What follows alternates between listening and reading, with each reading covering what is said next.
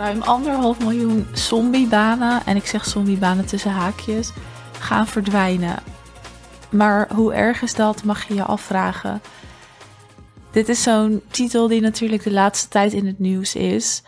En dan heb ik het over AI, want ze zeggen dat AI enorm veel banen zal gaan overnemen.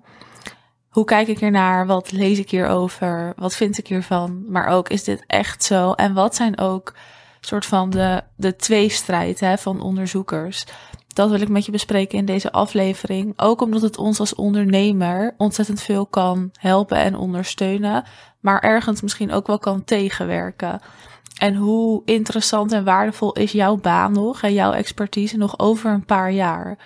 Dat is echt wel iets om over na te denken en om rekening mee te houden.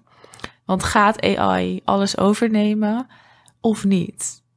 Nu gaat het zelfs zo ver en zo radicaal, durf ik wel te zeggen, dat bepaalde onderzoekers zelfs beroepen ja, een bepaald aantal punten heeft gegeven. En hoe hoger de punten zijn, hoe groter de kans dat jouw expertise of jouw baan wordt overgenomen door AI. En hoe lager, hoe minder groot die kans dus is. En ook als jij dus kan zien dat de kans heel groot is dat jouw baan wordt overgenomen door AI, dan laat ze zien hoe jij jezelf makkelijk kan omscholen tot een beroep waarbij de kans minder groot is. En dit vind ik dus best wel radicaal. En wat daar dus bijvoorbeeld in staat, is dat als jij verslaggever of correspondent bent, dat die score redelijk hoog is. En je kan natuurlijk zelf bepalen wat vind ik te hoog, maar goed. En dat je je dan beter kan laten omscholen tot docent in het recht of docent natuurkunde of docent wiskunde. Nou, ik vraag me dan af, zijn dat handige moves? Is dat slim? En moeten we zo radicaal gaan handelen op AI? Het interessante is dat AI echt al jaren speelt. En AI bestaat ook al heel erg lang. En er zijn al heel veel voorbeelden van hoe dat wordt ingezet. als je alleen al op je Netflix gaat kijken. En dan wordt daar voorgesteld wat voor jou het meest interessant is. Ja, dat is ook al AI. Of de auto's waarin nu van alles zelf gaat. Um, productierobots, beeldherkenning. Nou ja, die zelfrijdende auto's, wat ik net zei.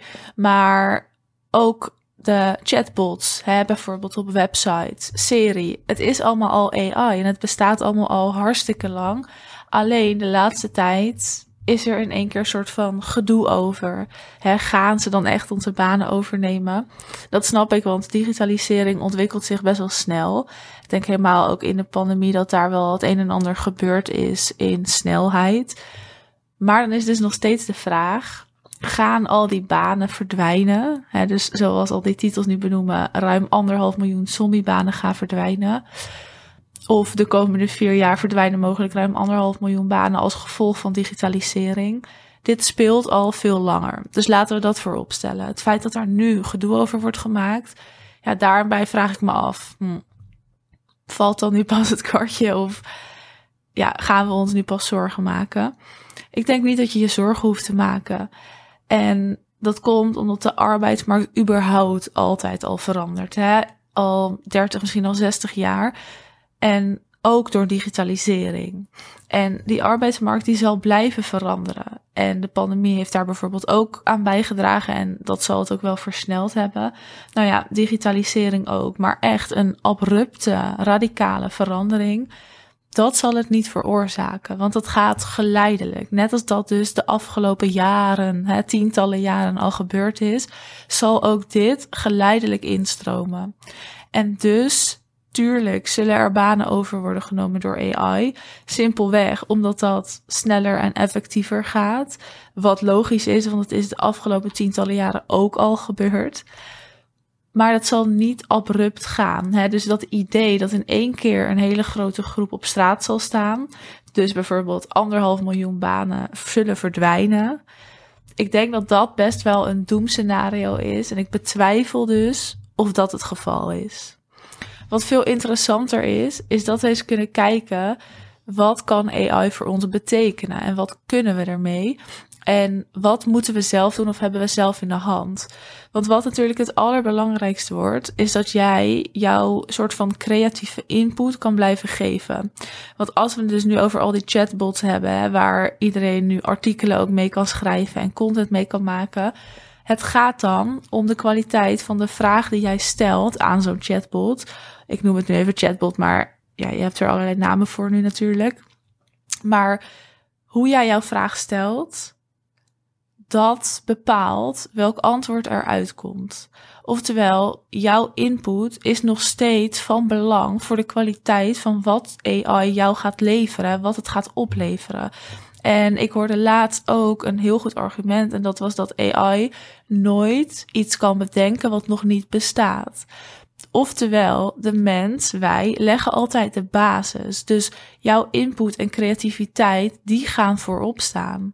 En dus ook in jouw bedrijf. En tuurlijk is het interessant om eens te gaan nadenken: kan AI mijn baan overnemen? En zo ja, gaat dat op korte termijn gebeuren? Er zijn echt tientallen, duizenden onderzoeken inmiddels van en dus te lezen. Maar dus ook, wat kan ik daarmee op dit moment? En hoe kan ik dat dan misschien voorkomen? En tuurlijk heb jij dat als enige niet alleen in de hand. Maar zoals ik net zei, jouw input is wel van belang. Jouw creativiteit is nog steeds nodig. Dus in welke mate is die nodig in jouw vakgebied? En kan jij er misschien juist op inspelen en er gebruik van maken in plaats van dat we nu doemscenario's gaan bedenken dat AI al die banen zal overnemen? Want dat het gaat gebeuren, dat geloof ik wel, maar niet zo radicaal. En we komen steeds meer te weten hè, over wat is er mogelijk, wat kunnen we ermee. En dat kunnen we dus ook heel positief inzetten. En je ziet nu al hè, al de masterclasses over AI uit de grond poppen. En ondernemers die een tegenwoord hebben en die vinden dat het, nou ja, eigenlijk niet gebruikt moet worden, om het zo te zeggen ondernemers die er fan van zijn, omdat alles gewoon veel sneller gaat. Dus bepaal voor jezelf in welke hoek jij zit.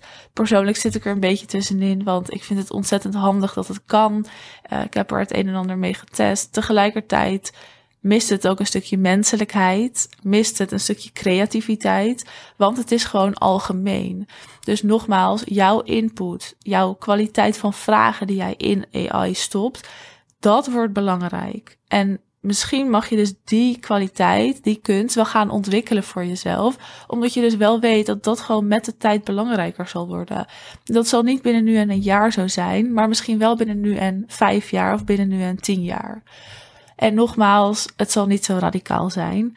Daar ben ik wel echt van mening van. Maar het gaat echt gebeuren, want het bestaat en nou, het is niet voor niets nu een ding geworden. En er wordt natuurlijk niet voor niets over gepraat.